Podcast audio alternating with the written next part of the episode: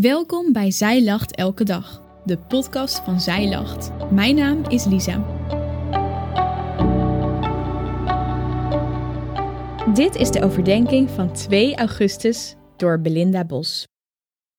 Ooit kwam ik in de supermarkt om broccoli te halen. Maar broccoli in de supermarkt, waar ligt dat eigenlijk? Versvak, vriesvak?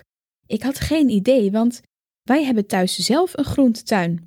Heel idyllisch zijn wij best wel zelfvoorzienend, met een groentetuin vol met bonen, wortels, een nectarineboom, druiven en nog tig andere dingen.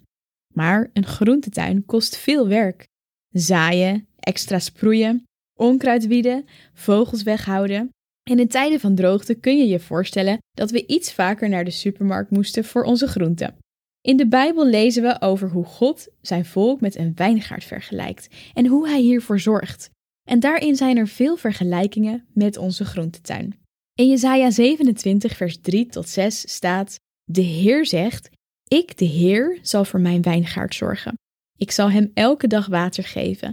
Ik zal hem dag en nacht bewaken, zodat niemand hem kwaad kan doen. Ik ben niet langer woedend op mijn wijngaard. Wie zal mij durven aanvallen? Ik zal elke vijand vernietigen, net zoals je dorens en distels uitrukt en verbrandt. Laten ze liever naar mij toekomen om hulp.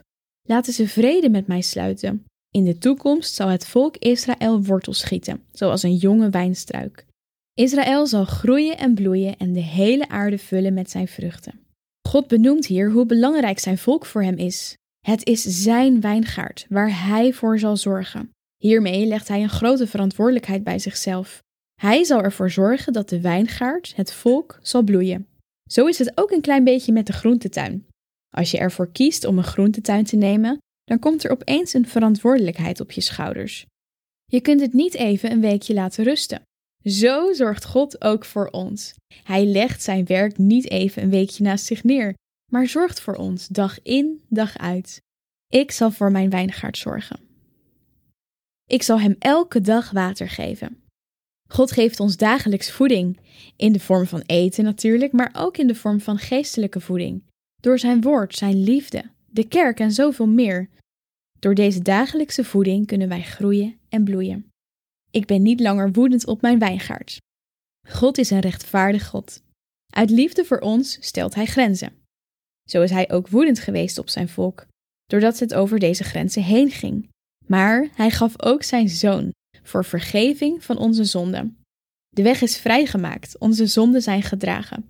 Dat betekent overigens niet dat God niet meer boos op ons kan zijn. Nog steeds stelt Hij de grenzen, bijvoorbeeld door de tien geboden. En nog steeds hebben wij ons hier aan te houden. Ik zal elke vijand vernietigen, net zoals je dorens en distels uitrukt en verbrandt. Net zoals wij het onkruid uit de groentetuin proberen te houden, zo beschermt God zijn wijngaard tegen het kwaad. Daardoor zijn we veilig. Hij vernietigt het kwaad en de vijanden. Hij zorgt voor ons. Daardoor kunnen wij groeien en bloeien in zijn wijngaard, in zijn naam. Laten ze liever naar mij toe komen om hulp. Laten ze vrede met mij sluiten. Iedereen is welkom in Gods wijngaard, zolang er vrede wordt gesloten. Dat doet mij denken aan de tuin van mijn oma. Tuinieren is haar ding niet. Ze laat alles groeien wat opkomt. Juist omdat ze al deze variaties en bloemen zo mooi vindt. De distels en dorens worden eruit gerukt, maar de mooie bloemen mogen blijven en daar geniet ze met volle teugen van. Zo is het ook in Gods wijngaard. Alles en iedereen is welkom, zolang je bij de wijngaard en dus bij Gods volk wilt horen. Israël zal groeien en bloeien en de hele aarde vullen met zijn vruchten. Wat een belofte en wat een hoop klinkt er in deze zin door. Waar het wellicht soms kan lijken alsof er alleen maar kwaad is, het christendom alleen maar minder wordt en de weerstand alleen maar groter, doet God ons deze grote belofte.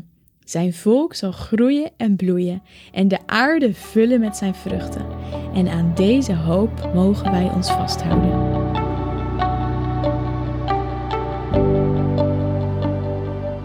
Dankjewel dat je hebt geluisterd naar de overdenking van vandaag. Wil je de overdenking nog eens nalezen? Check dan onze website. Je vindt daar ook nog meer toffe dingen die jou helpen om de Bijbel vaker te openen, zoals boeken, Bijbels, cursussen en evenementen. Morgen ben ik weer bij je terug met een nieuwe overdenking. Tot dan!